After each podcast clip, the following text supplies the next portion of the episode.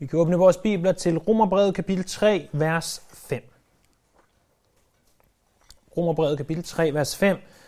I dag vi i dag skal se på det 5. til det 8. vers. Men lad os for at få hele konteksten med, læse fra Romerbrevet kapitel 3, vers 1. Så Romerbrevet kapitel 3, vers 1. Hvilket fortrin har jøden så? Eller hvad gavner omskærelsen? Meget på alle måder. Først og fremmest, at de har fået Guds ord betroet. Hvad så, når nogle af dem var troløse? Vil deres troløshed så ophæve Guds trofasthed? Aldeles ikke. Gud må være sandro og hvert menneske en løgner, som der står skrevet. Så skal du kendes retfærdig, når du anklager og vinde, når du dømmer. Men når vores uretfærdighed stadfæster Guds retfærdighed, hvad skal vi så sige?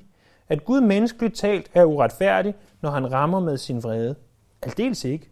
For hvordan skulle Gud ellers kunne dømme verden, men når nu Guds sandrohed bliver endnu større ved min løgnagtighed, ham til ære, hvorfor dømmes jeg så stadig som synder? Og skulle vi gøre det onde, for at det gode kan komme, sådan som nogen bagtaler os for at påstå, at vi siger, de får den dom, de fortjener. Vi husker på, at de første tre kapitler af Romerbrevet handler om at få stadfæstet eller etableret eller slået fast, at alle mennesker har syndet og mistet herligheden for Gud. Det slås i kapitel 1 fast, at hedningerne har syndet, og det blev i kapitel 2 slået fast, at jøderne har syndet. Det, at jøderne har syndet, ville i det her brevs læser kunne rejse en række spørgsmål. De spørgsmål øh, forestiller Paulus så nu, hvad kunne de spørgsmål være, og han stiller og besvarer så nogle af de vigtigste spørgsmål. Øh, vi så i vers 1 og 2, at han stiller spørgsmålet, jamen når jøden også er sønder og bliver dømt, øh, har han så ikke nogen fordel? Hjælper det så ikke noget som helst at være jøde?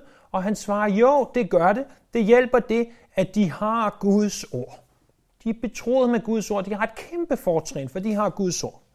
Sidste gang så vi så, at jamen, når nu jøden alligevel bliver dømt, og Gud han jo engang tidligere havde lovet dem alle de her ting, han havde indgået alle de her aftaler med dem, Bryder Gud nu så sine aftaler, og siger han så med andre ord øh, noget, som er løgn? Eller har han løjet og lovet dem noget, han ikke vil holde? Og igen slår Paulus fast, nej, det har han ikke. Gud lyver aldrig. Gud siger altid sandheden. Gud taler altid sandt. Den logiske konklusion fra vers 1-4 kunne for nogen være, jamen så hvis jøderne har fået en fordel, og hvis jøderne alligevel bliver dømt, og hvis Gud aldrig lyver, jamen så må Gud da være uretfærdig. Så må Gud være uretfærdig. Og det er egentlig det, vi skal se på i dag. Er Gud uretfærdig? Jeg kommer langt fra til at besvare alle dine spørgsmål omkring Gud er uretfærdig, men Øh, som du nok har gættet på forhånd, så er svaret på det spørgsmål, og må det, svaret på det spørgsmål for enhver kristen være, nej, selvfølgelig er Gud ikke uretfærdig. Man kan godt forstå, at spørgsmålet kan rejse sig. Prøv at tænke med mig en gang. Den bedste måde at forstå den her tekst på, det er ved, og jeg bliver nødt til at sige, billedligt talt at gå en tur til smykkeforretningen. For hvis jeg sagde, at den bedste måde at forstå det her på er ved at gå en tur til smykkeforretningen, så ved jeg godt, at halvdelen af jer vil rejse op og gå, men jeg tror, de er lukket endnu. Øhm, men billedligt talt, tag en tur til smykkeforretningen når, når vi virkelig skal se et smukt smykke, det kunne være en diamant eller det slige, øh, så tager øh, juveleren ikke smykket ud og viser det i sin hånd. Øh, han eller hun tager det heller ikke ud og viser det på den gennemsigtige glasmontre. Han eller hun tager øh, et stort sort stykke fløjl og lægger op foran dig, og tager så sine øh, alt for kostbare dyre diamanter ud og viser dem på et sort stykke fløjl. Hvorfor? Fordi i det, at du viser en diamant på baggrunden af et sort stykke fløjl, så fremstår kontrasterne langt, langt klarere, end hvis du viser dem oven i din øh, relativt hvide håndflade, øh, eller endnu værre på en glasmontre, hvor du har ting nedenunder, og der forstyrrer dit syn. Hvis nu du så forestiller dig, at du gik ind til øh, din smykkeforretning, til din juveler. Og han viser dig diamant efter diamant. Se de her, de skinner, og så siger du, det har jeg aldeles ikke råd til. Og han bliver tosset og siger, det er også det sorte fløjls skyld. Og han så tager det sorte fløjl og krøller sammen og tager en øh, skraldespand af metal frem og smider fløjlet ned i og brænder fløjlet og siger, jeg forbander dig fløjl, det er din skyld, at personen ikke vil købe noget. Så har du nok fået benene på nakken temmelig hurtigt at komme ud derfra, for det virker jo fuldstændig vanvittigt. Hvorfor fordømme fløjlen, fordi du ikke vil købe noget? Det er jo ikke fløjlens skyld, at du ikke har råd til diamanterne eller noget som helst. Fløjlens eneste opgave er at vise dig, hvor smuk den her diamant er. Det her, og vi skal nok komme tilbage til det igen, hvorfor. Det her er øh, en lille smule det, som folk de anklager Gud for. De anklager Gud for at brænde fløjlen og, og sige, at fløjlen er forkert. Selvom den jo egentlig har været med til at vise diamanten. Hvordan?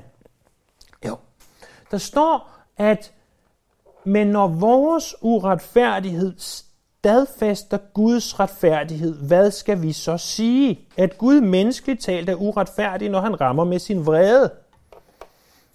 Vores uretfærdighed, det er lidt som det sorte fløjl. Det er en baggrund. Det er, at vi er syndere, vi har gjort alt muligt, vi ikke skal, vi lever ikke op til Guds standarder. Vores uretfærdighed stadfæster, står der. Ordet stadfæster er, at det beviser, eller det gør klart, at Gud er retfærdig. Han er diamanten, lad os sige det sådan. Så med andre ord, det at du er en sønder, det viser, at Gud han er retfærdig. Når, når Gud holdes op imod vores liv, når han som diamanten holdes op imod vores liv, den sorte fløjl, så skinner han endnu klarere. Prøv gang at slå op i Lukas kapitel 7. Lukas kapitel 7, vers 36, hjælper os til at forstå det her en smule.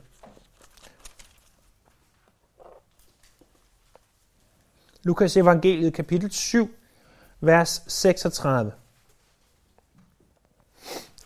Her står der, at en af farisæerne indbød Jesus til at spise hos sig. Han gik ind i farisæerens hus og tog plads ved bordet. Nu var der en kvinde, som levede i synd i den by. Da hun fik at vide, at han sad til bords i farisæerens hus, gik hun derhen med en alabaskrukke fuld af olie, stillede sig grædende bag ved ham, øh, bag ved hans fødder og begyndte at væde hans fødder med sine tårer og tørrede dem bort med sit hår. Hun kyssede hans fødder og salvede dem med olien. Da farisæeren, som havde indbudt ham, så det, tænkte han ved sig selv. Altså ikke noget, farisæeren siger højt, det er noget, han tænker ved sig selv. Hvis den mand var en profet, så ville han vide, hvad det var for en slags kvinde, der rører ved ham. For det er en, der lever i synd. Jesus sagde til ham, Simon, jeg har noget at sige dig.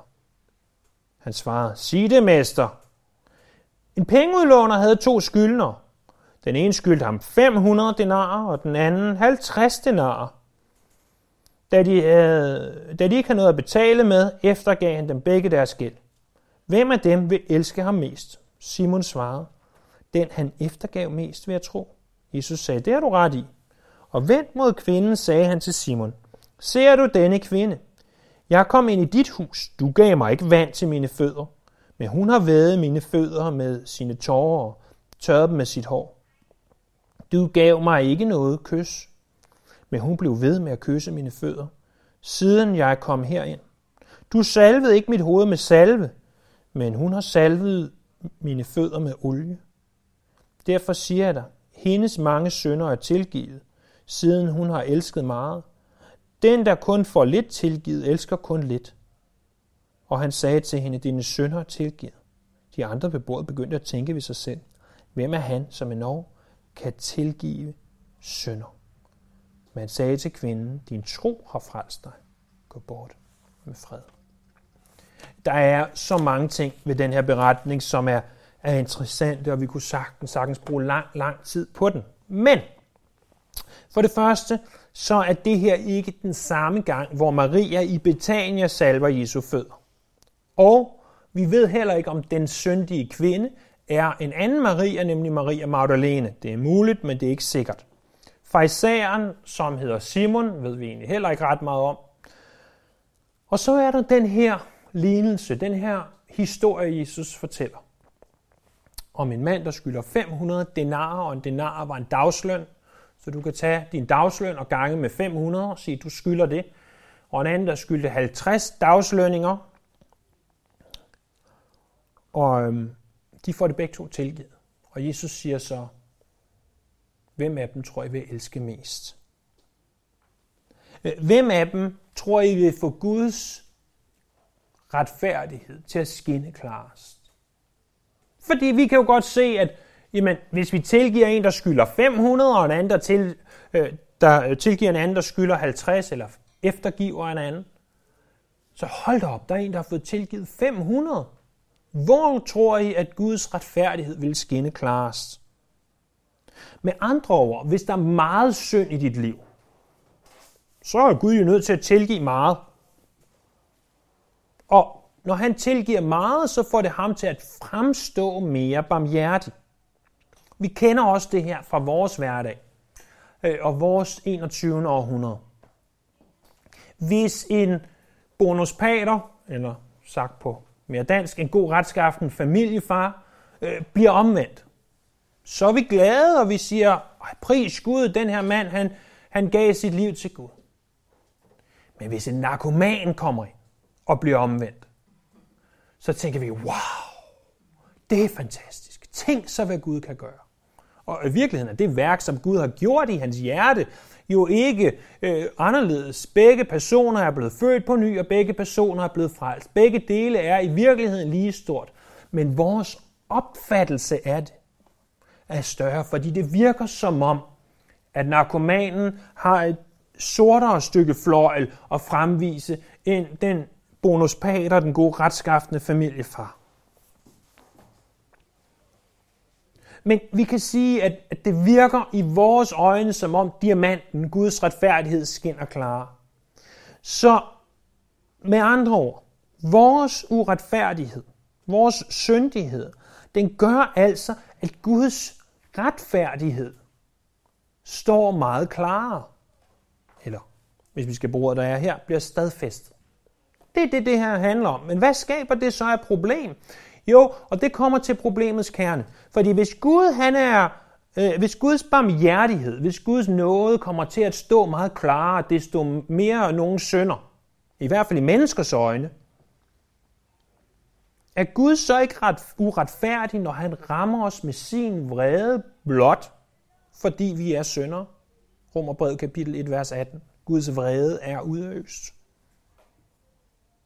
Fordi hvis vores synd får ham til at fremstå bedre, og mere barmhjertig, og mere nådig, så burde synd jo være en god ting. Så er Gud jo endnu bedre, endnu større, endnu klarere. Så, så er det Gud, han gør, at tage synden, tage os, det sorte fløjl, og smide ned i skraldespanden og brænde?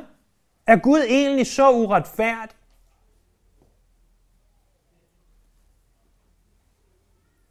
Paulus tilføjer, at det her det er menneskeligt talt. Alt det, vi har sagt nu, det er menneskeligt talt. Det er sagt med ord, som mennesker bruger, for at, at vi skal have en chance for at forstå det.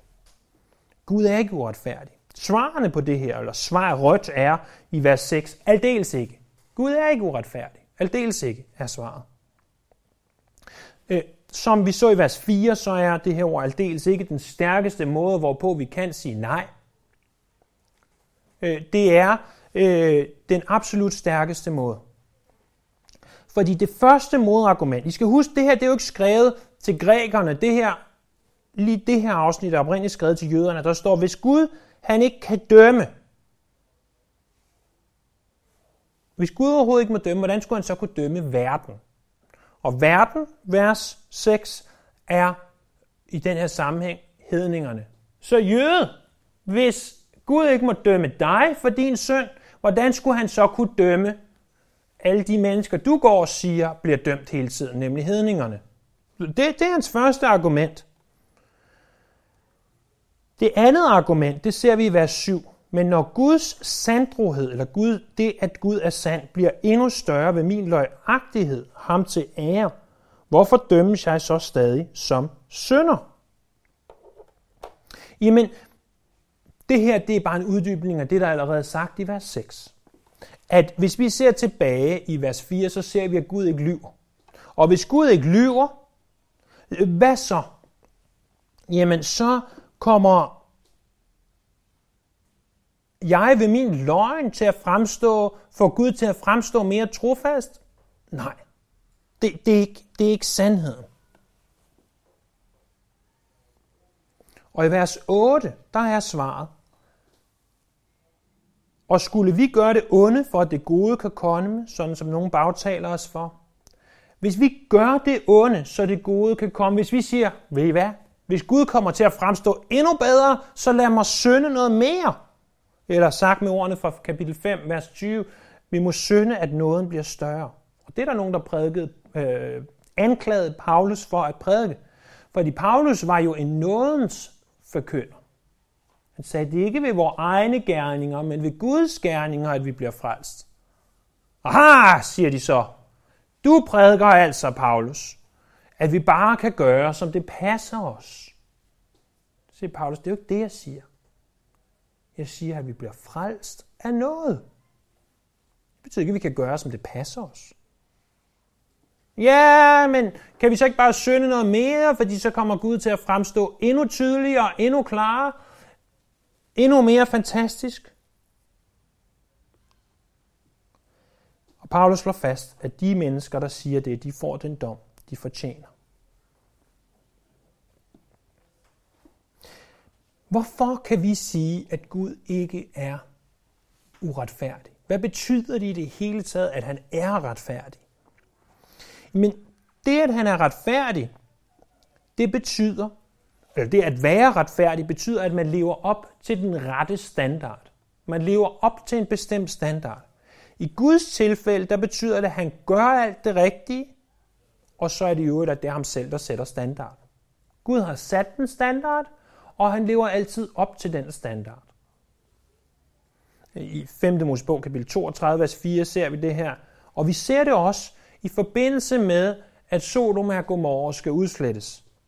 Og at Abraham han beder for Sodom, han siger, du kan umuligt handle sådan og slå retfærdige ihjel sammen med uretfærdige. Så retfærdige og uretfærdige får samme skæbne. Det kan du umuligt. Skulle han, der dømmer hele jorden, ikke øve ret? Det er 1. Mosebog 18.25. Med andre ord, Gud er retfærdig. Han giver altid mennesker det, de fortjener. Synden gør, at vi er adskilt fra Gud. Og han er nødt til at dømme synden, for hvis han ikke dømte synden, så vil han være uretfærdig. Han har sagt, at synden er forkert.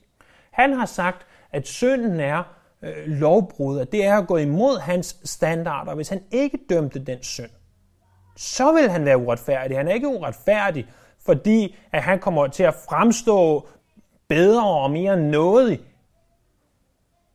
Igen tilbage til fløjlen, fordi at der er synd i verden. Synd bliver nødt til at blive dømt. Hvis synden ikke blev dømt, så vil han være uretfærdig. Og det betyder, at han er retfærdig, at han giver mennesker, hvad de fortjener. Han giver dem ikke mere, end de fortjener, han giver dem ikke mindre, end de fortjener. Det er det, Guds retfærdighed er. Hvis Gud var uretfærdig, så ville det være modstridende med hans karakter. Jeg tror, at hvis Gud var uretfærdig, så ville han selv udslette, hvis det var muligt. For det vil gå imod, hvem han var. Hvis vi tænker det her ind i det lidt større perspektiv, Gud er retfærdig. Gud gør altid det rette. Det vil jo sige, at han dømmer, når der er behov for det. Og han giver den rigtige dom. Vi derimod er uretfærdige. Vi lever ikke op til den standard, Gud har sat. Og som vi skal se lige om lidt, ikke i dag, men lige om lidt i antallet af vers, i Romerbrevet kapitel 3, vers 23, så har alle syndet og mistet herligheden for Gud. Så hvis Gud på den ene side er retfærdig, og vi som mennesker er uretfærdige, jamen, så kan vi ikke slutte andet, end at Gud bliver nødt til at dømme alle mennesker, fordi alle mennesker er syndere. Og så opstår misfæren. For hvis Gud er nødt til at dømme alle, og ingen er gode nok, hvad så? Så er der to muligheder. Så kan mennesker prøve på at være gode nok. De kan gøre alt, hvad de, hvad de kan for at være gode nok. Eller de kan få tilregnet en andens retfærdighed. Lidt ligesom, hvis vi går tilbage til pengeudlånerne, og, og, og dem, der skyldte de her penge, de fik tilgivet deres gæld. Der kunne også ske det, at der var kommet en anden og sagt, prøv at høre, hvis nu du bare arbejder hårdt nok, de næste 500 dage, og du i øvrigt ikke bruger nogen penge, så vil du have afdraget din gæld. Okay, så gør jeg det. Og så arbejder han de næste 500 dage, tjener 500 dagslønninger, lever af ingenting, og, og betaler så sin gæld af. Okay. Men hvad nu, hvis det ikke havde været 500 dagslønninger, men lad os sige 10.000 eller 100.000 dagslønninger? Så begynder det jo lige pludselig at blive svært, for så længe er der ingen af os, der lever uden at bruge. Der er ingen af os, der lever 100.000 øh, øh, dagslønninger, og, og derudover så er der ingen af os, der kan leve uden at bruge nogen penge, fordi så kan vi i sagens natur ikke leve. Hvad kunne der så ske? Jamen så kunne der komme en, der tjente lidt mere end en denar om dagen, og sige, prøv at høre, du har en gæld på 500 denar eller 10.000 denar. Du overfører da bare dem til min konto. Du overfører bare den gæld til min konto. Okay. Og man laver transaktionen, og gælden bliver overført til ham dengang nok i en bog eller noget af den stil i dag på en computeroverførsel. Pludselig, så står du i nul. Du skylder ikke noget mere. Men hvis du blot er tilgivet, det er tilgivelse. Det er, det er det her, at du får eftergivet din gæld. Men hvis du blot er tilgivet, det betyder ikke, at du stadigvæk, du er stadigvæk ikke retfærdig. Du lever stadigvæk ikke op til standarden. Lad os sige, at standarden var, at du skulle have 10.000 denar. Bare for at, at tale i menneskelige termer omkring penge, som vi forstår. Du skulle have 10.000 penge. Og det har du altså stadigvæk ikke. Og ved at arbejde hver dag vil du aldrig opnå 10.000 penge eller denar, fordi det vil kræve, at du arbejdede 10.000 dage, uden at bruge en eneste krone. Du er tilgivet, du skylder ikke noget mere, men hvis du vil være retfærdig, så må du få indsat penge også. Du kan ikke bare få eftergivet din gæld. Det er tilgivelse. Men retfærdiggørelse er, at du får indsat penge på din konto. Og nu har du det, der skal til. Og misforstå mig ikke. Jeg taler som et menneske. Der skal ingen penge til at blive frelst. Det her er rent, rent illustrativt. Der tales selvfølgelig om vores retfærdighed. Og når vi bliver retfærdiggjort, så bliver Jesu Kristi retfærdighed tilregnet os. Vi bliver tilgivet det, vi har gjort, og vi bliver tilregnet det, som han har gjort. Det bliver skrevet til vores konto.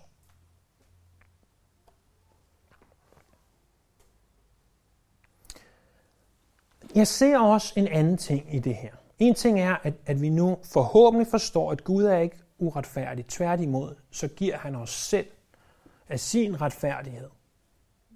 Det kan godt være, at der er synd, men han giver os af sin retfærdighed. Og, og hvis han gør det, så er det jo helt meget anderledes, end at han dømmer synden. Han giver øh, os af sin retfærdighed. Men der er også en anden ting, jeg ser i det her.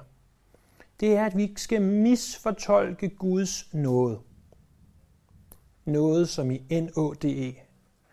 Når man siger, jo mere synd, desto mere barmhjertighed, så kan det meget let lede til, at vi misfortolker det. At vi kan leve, som det passer os. I de senere år, der er beretningen om den øh, tyske Bonhoeffer, som var, var pastor, men også var, var modstandskæmper eller spion, kald jeg ham, blev ganske populær. Bonhoeffer blev henrettet cirka en måned før 2. verdenskrig sluttede. Det er godt nok dårlig timing for ham, og, og jeg er sikker på, at beretningen om hans liv er ganske interessant og spændende. Jeg har ikke selv læst den relativt store, øh, relativt nye bog, der udkom øh, inden for det seneste årti af, af Erik Metaxa. Men jeg er sikker på, at beretningen er spændende. Men hvad er mindst lige så vigtigt, er hans bog, som på dansk hedder Efterfølgelse. Den indleder med et kapitel, hvor Bonhoeffer sætter en pris på noget. Og det er jo i sig selv paradoxalt. Ordet noget på engelsk, grace, betyder gratis. At noget er gratis. Og hvordan i alverden kan vi sætte en pris på noget, der er gratis? Enten er det jo gratis, eller også er det ikke gratis. Men, men han taler alligevel om billig noget. Hvad er billig noget, siger han. Jo, billig noget, det er retfærdiggørelse af synden. Det er, at vi bortforklarer synden og siger, det går nok alt sammen. Han siger, billig noget, det er noget uden efterfølgelse. Billig noget, det er den noget, der ikke koster dig noget. Derimod siger han, den dyre noget, det er ikke der, hvor synden bliver retfærdiggjort, men det er der, hvor synderen bliver retfærdiggjort. Øh, dyr noget, siger han, det er der, hvor at nåden koster personen, der modtager det, alt. Det koster ham hans liv. Og øh, jeg synes, vi længe nok i kirken er blevet fortalt, modtag Jesus og gør lige som du vil. Modtag Jesus, og, og, og så bliver alt godt. Og, og Jesus kræver ikke noget af dig. Det er også rigtigt. Han kræver ikke noget af dig for at blive frelst andet end du tror. Men han kræver altså dit liv. Han siger, hvis nogen vil komme efter mig, skal han tage sit kors op og følge mig. Hvis nogen vil tilhøre mig, siger han, så koster det hans liv. Ikke for at blive frelst. Det koster ikke noget. Det er ganske gratis. Men vil du leve i billig noget, eller i dyr noget? Det er det, der er Bonhoeffers spørgsmål. Dengang for snart mange år siden, da jeg var på bibelskole, der misbrugte nogle af eleverne ordet noget. Øhm, I mit tredje semester, det vil sige, jeg har været 20 år, der var der øh, fem andre unge mænd på værelset, og, og jeg, 20-årig knæk, blev sat til at styre de her fem amerikanske skarnsunger. Og det var lidt af en opgave. Øhm, jeg fik rollen af det, som man på engelsk kalder dorm steward, eller den, der bestemte på værelset, eller i hvert fald skulle sørge for, at der blev holdt ro og orden på det her værelse. Men, men de ville ikke lytte til en ung dansker med en, med en sjov accent. De grinede bare af mig. Og, og når nu jeg så sagde, øh, at de skulle slukke deres lys øh, om aftenen, eller jeg sagde, I skal komme ind, inden at øh, det bliver, øh, altså inden det tidspunkt, vi skulle være inde på, så sagde de bare, ja, men vi er under nåden, vi er ikke under loven. Og det fik mig til at tænke over, hvad vil det egentlig sige at være under noget? Vil det sige, at vi kan gøre, som det passer os? Og der var et vers fra Titus kapitel 2, vers 11 og 12, der specielt stod klart for mig dengang, eller kom til at stå klart. Der står, at noget opdrager os til at sige nej til ugudelighed og til værtslige lyster og leve besindigt og retskaffen og Gud frygtigt i denne verden. Prøv at høre, det kristne liv er ikke bare, at vi bliver frelst. Det er jo fantastisk i sig selv, at vi bliver tilgivet, og vi får tilregnet Guds eller Jesu Kristi retfærdighed. Det, det er jo vidunderligt. Men det kristne liv er en forvandling af hele dit liv. Det er ikke bare, at der skete noget med dig engang for 5, 10, 15, 20 år siden. Det er en forvandling af alt, hvad du er. Hele dit syn på alting bliver forvandlet. Det er det, det vil sige at være en kristen. Den måde, vi tænker på, bliver forvandlet. Den måde, vi er på, den måde, vi taler på, den måde, vi agerer på, bliver anderledes. Vi bliver af Gud opdraget til at sige nej til ugudelighed. Vi bliver opdraget til at sige nej til værtslige lyster. Vi bliver opdraget til i stedet for at leve besindigt og retskaffende og gudfrygtigt i denne verden. Det er det, det kristne liv er. Når vi er frelst af noget, så betyder det ikke, at vi kan leve, som vi vil, og så forvente tilgivelse.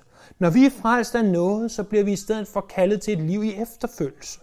Et liv, hvor vi følger efter Jesus, og hvor vi siger nej til ugudelighed. Og hvis man tror, at man frit kan synde, fordi at man bliver tilgivet, så har man misforstået noget. Hvis du tænker, lad os bare tage den, den, en af de klassiske illustrationer, hvis du tænker, jeg kan gå ned og røve en bank. Det håber jeg, vi alle sammen ved er forkert og dumt, eftersom bankerne ikke har penge længere. Øhm, men, men jeg kan gå ned og røve en bank, og røve banken, skyde omkring mig, øh, tage de 500 kroner, de rent faktisk er i besiddelse af, ud derfra, og så gå direkte hen og sige, Gud, jeg ved godt, det jeg gjorde var forkert, men tilgiv mig. Og du på forhånd har tænkt, jeg ved godt, det er forkert, men jeg kan jo bare bede Gud om tilgivelse bagefter. Ah, ah. Der er noget galt der. Der er noget, der ikke stemmer. Og, og jeg håber, ingen af os har lysten til at røve en bank og skyde mennesker. Men jeg ved, at hver af os, fordi at synden stadig bor i os, har lysten til at gøre alt muligt andet, som er syndigt. Og hvis du tænker, ah, jeg kan nok, det går nok alt sammen. Gud tilgiver mig jo i morgen. Min synd i dag, den er tilgivet i morgen. Det går nok alt sammen. Hvis det er din måde og min måde at tænke på, så bør vi stoppe op og spørge os selv, om vi overhovedet er kristne. For sådan bør og kan, tror jeg ikke på, den kristne ting. Vi ved jo godt, at nåden ikke er billig, men nåden er dyr, ikke bare fordi den koster dig og mig alt, men fordi den kostede Jesus alt på korset. Fordi da han hang på det kors, der var det jo for alle dine sønder. Men det var altså ikke bare noget, der er at tage let på. Det er noget, der kostede ham alt. Han blødte, han led. Han var, står der, forladt af Gud. Det kostede ham alt at hænge på det kors. Og hvis ikke vi vil give alt tilbage igen, hvis vi ikke har et ønske om det, jeg siger ikke, at vi gør det, jeg siger ikke, at vi kan det, men hvis vi ikke har et ønske om det, så tror jeg ikke, vi forstår, hvad korset betød. Så tror jeg ikke, vi forstår, hvad nåden betød. Så lad os opsummere. Når vores uretfærdighed stadfaster Guds retfærdighed, hvad skal vi så sige? At Gud menneskeligt talt er uretfærdig, når han rammer med sin vrede? Aldeles ikke. Det giver ikke mening, for Gud er retfærdig. Og ikke bare er han retfærdig, han giver os af sin egen retfærdighed.